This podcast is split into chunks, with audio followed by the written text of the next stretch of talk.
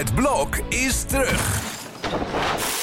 Vier koppels, vier bouwvallen, vier verbouwingen en dus een hele hoop stress. Het blok, iedere werkdag om half negen bij net vijf. Dit is Trick Privé, de dagelijkse showbiz-update met Evert Zandgoeds en Jordi Versteegde.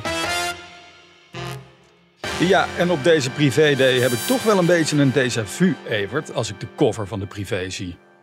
Nou, dan heb je een goed geheugen. Want ja, Ja. het is nog elf jaar geleden dat we daar eh, mee uitpakten. Met Matthijs Draait Door. Een titel die hij zo leuk vond toen dat hij er een heel programma aan gewijd heeft. Dan vraag ik me af of hij daarmee ooit kan terugkomen. Want doordraaien en Matthijs, dat eh, is geen, eh, geen plezierige combinatie meer vanaf afgelopen weekend.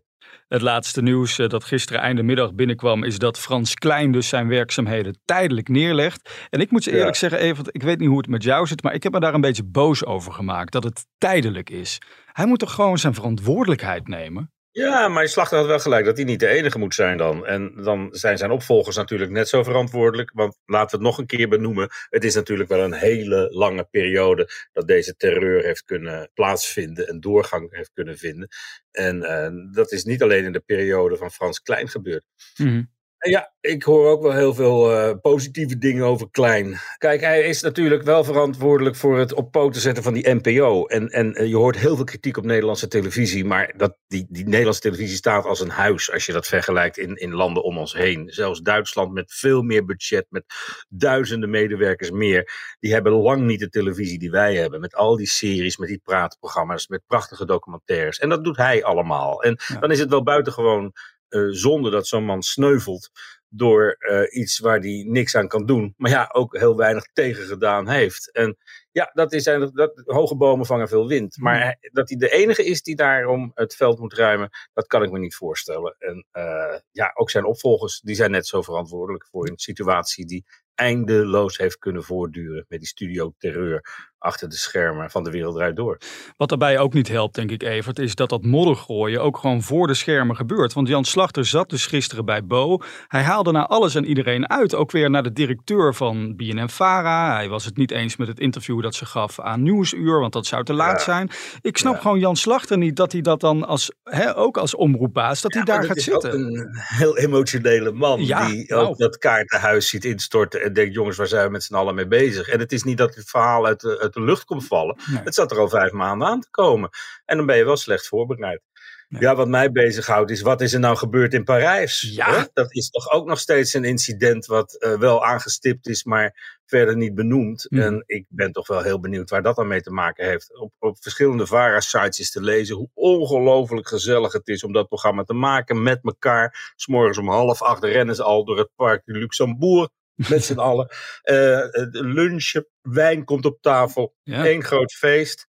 En ook daar is het dan weer een keer fout gegaan. En ik ben toch wel benieuwd hoe heftig dat eh, geweest is. En mensen die dat weten, die eh, mogen me altijd bellen natuurlijk. Nou, het is goed dat je dat even aanhaalt, want dat wordt geproduceerd, dat programma Chansons, door Medialane, hè, de, productiemaatschappij waar Martijs de laatste tijd al zijn programma's heeft gemaakt. Iris van de Ende, ja. En die hebben gisteren ook gereageerd. Ik pak hun reactie er even bij. Ze zijn echt eh, verdrietig door wat er naar buiten is gekomen. En ze richten zich op dit moment echt op hun medewerkers. Medewerkers die dus ook, denk ik, meegewerkt hebben aan chansons. Dus ja, dat gaat nog wel een staartje krijgen. Ben benieuwd of die samenwerking nog eh, stand gaat houden tussen Medialane en Matthijs. Vraag ik me ook af. Het Ja. programma staat of valt ook met Matthijs. En daar ga je ook niet meer eh, enthousiast naar, naar zitten kijken. Het is doodzonde. Ja. Want als Parijs klaar is, wat nog lang niet het geval is, want Parijs blijft schatten. Hey, Hm.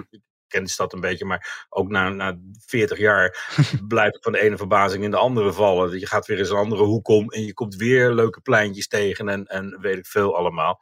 Terwijl als je dat klaar is, als het nog naar de Provence gekund en, en eh, weet ik veel, dat had nog jaren kunnen voortduren. Ja. En dan is het eh, jammer dat het ook op deze manier wordt meegetrokken in een programma wat al jaren afgelopen is, maar wat eh, zorgvuldig de nek om is gedraaid, de herinnering daaraan. En dan heb ik het over de wereld draait door. We gaan naar eh, ander grensoverschrijdend gedrag. Want we hebben natuurlijk ook al een jaar lang die zaak rondom The Voice of Holland. De vraag was, wanneer komt er nu eindelijk nieuws? Maar nu is er nieuws, hè? Ja, die regisseur die eh, nooit met naam en toenaam genoemd is, die, eh, die is, komt met de schrik vrij. Dat Mhm. wil niet zeggen dat hij niks gedaan heeft, maar ja, eh, ga dat maar eens bewijzen dat dat heeft plaatsgevonden. Zijn geen ondersteunende uh, getuigen gekomen. Dus ja, die komt daarmee weg. Dat hij iemand onzedelijk betast heeft en een kus op de mond gegeven heeft. En dat is de eerste. En er staan er nog drie op de lijst bij justitie die nog afgevinkt moeten worden. En hoe het daarmee gaat aflopen, niemand kan zeggen hoe lang dat nog gaat duren. We gaan naar uh, André Hazes, terug naar de privé van deze week. Want er staat toch wel een schokkend verhaal uh, over hem in. Ja, de makers zijn, zijn beste muzikale vrienden met wie hij het zo uh, innig goed maakt in de docu-soap op docu-serie op uh, Videoland. Die, uh, die twijfelen opnieuw aan de samenwerking. Gewoon omdat het heel moeilijk werk is met André. Afspraken worden niet nagekomen. Er is een prachtig nummer opgenomen wat aan het einde van de videodocumentaire te zien is. dat wordt ook niet uitgebracht. André is op doodspoor beland, zeggen zij. En hmm. weet niet hoe dat gaat aflopen, zegt onder andere Bram Koning, de schrijver van de meeste hits. Alles loopt fout op dit moment. Zij zien het verkeerd aflopen, gewoon omdat die jongen totaal niet weet waar hij aan toe is. En hij kan het niet aan. En dan zeggen mhm. mensen van ja, hij doet net of hij Elvis is. nou, als hij maar geen Elvis wordt. Nee, Nee, nee. Ja, een schokkend verhaal. Ook omdat hij nieuwe, een nieuwe soort muziek wil gaan maken. Nou, ik vraag me af, zitten de fans daarop te wachten dat André in één keer nee. dancemuziek gaat maken? Fans zitten op die hazen snik te wachten. Ja. Dat, en, en, dat. en uh, gezellig meelallen. En, ja. Nou, een clown denkt altijd dat hij Hamlet moet gaan spelen. En André Hazes moet gewoon zingen waar zijn vader groot mee geworden is. En in wiens voetsporen hij met heel veel succes kon, kon stappen. En dat heeft hij al gedaan. Maar dat moet hij vasthouden. En hij is nu anderhalf jaar van het toneel verdwenen. De tijd zou rijp moeten zijn om de draad weer op te pakken, zou je zeggen. Ja. Een emotioneel interview ook uh, deze week in het blad met de zoon van Pierre Carter. Die belde jou vorige week in één keer op.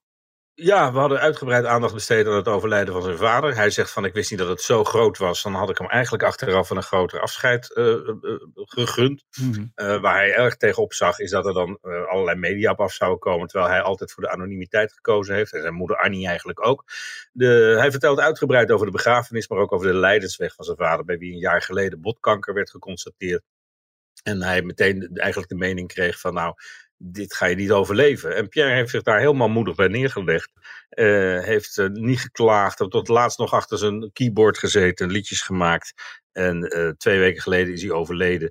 En dat, dat, dat, dat verhaal vertelt hij eigenlijk voor het eerst hoe dat gegaan is. En ja. ik ben daar wel heel blij mee, want ja, de familie Kartner die maakt deel uit van de geschiedenis van privé.